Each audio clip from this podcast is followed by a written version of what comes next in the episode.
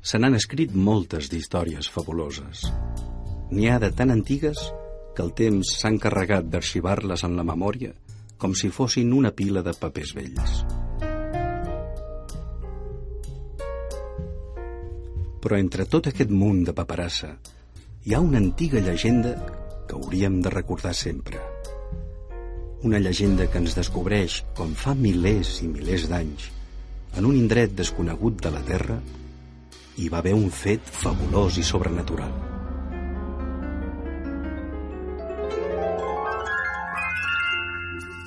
El naixement dels cavalls marins.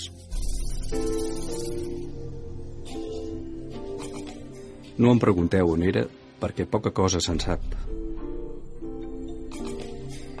Només us puc dir que era un país ple de muntanyes escarpades.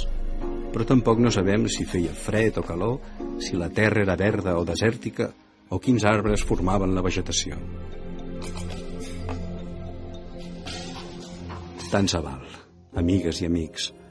El fet és que entre les valls i turons cavalcaven lliures i salvatges dos magnífics cavalls.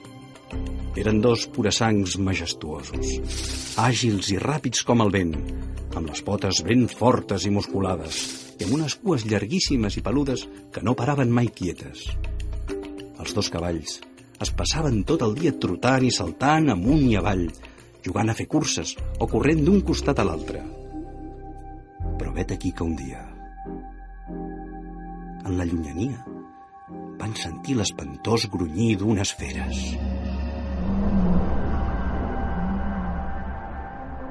Tenien les orelles tan fines que no els enganyaven mai.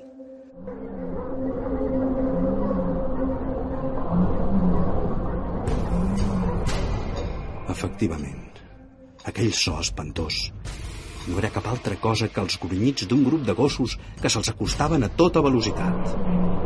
Els dos cavalls de seguida van entendre que aquells gossos se'ls volien menjar. Paralitzats de por, espantats i desorientats, els cavalls no sabien cap on fugir.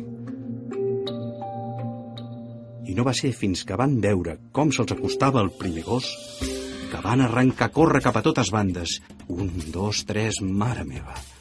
Si el seguia tot una gossada rabiosa que no deixava de grunyir i d'ensenyar les dents.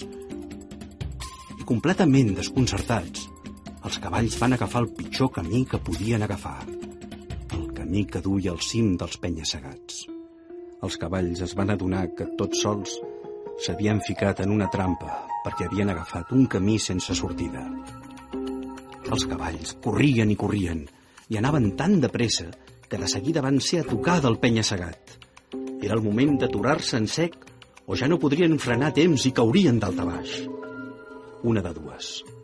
O es deixaven menjar o saltaven per l'abisme. I els cavalls van decidir saltar. Cap dels dos no va parar de córrer ni va mirar enrere.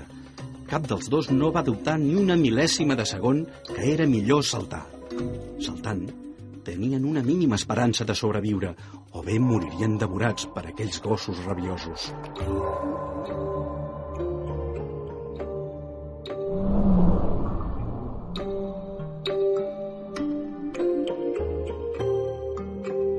Que valents que van ser els cavalls. Tots dos van córrer encara més per prendre embranzida i saltar mentre rellinaven, qui sap si per última vegada. Els cavalls van volar durant una bona estona. Queien amb la cua i les potes ben estirades per equilibrar-se i poder esmorteir el cop. Però tot i així, la topada contra l'aigua va ser bestial. Estabornits pel cop, els cavalls es van començar a enfonsar en les profunditats del mar. Aleshores, va passar un fet prodigiós. Quan els cavalls ja començaven a perdre el món de vista, quan estaven a punt de morir ofegats, es van començar a transformar d'una manera màgica. De sobte, podien respirar sota l'aigua. Les potes del darrere se'ls van ajuntar i es van transformar en una cua plena d'escates i les potes del davant es van anar fent petites i petites fins a convertir-se en aletes. I els peixos que passaven per allà van quedar bocabadats quan van veure l'espectacle de dos magnífics purasangs que es convertien en cavallets marins.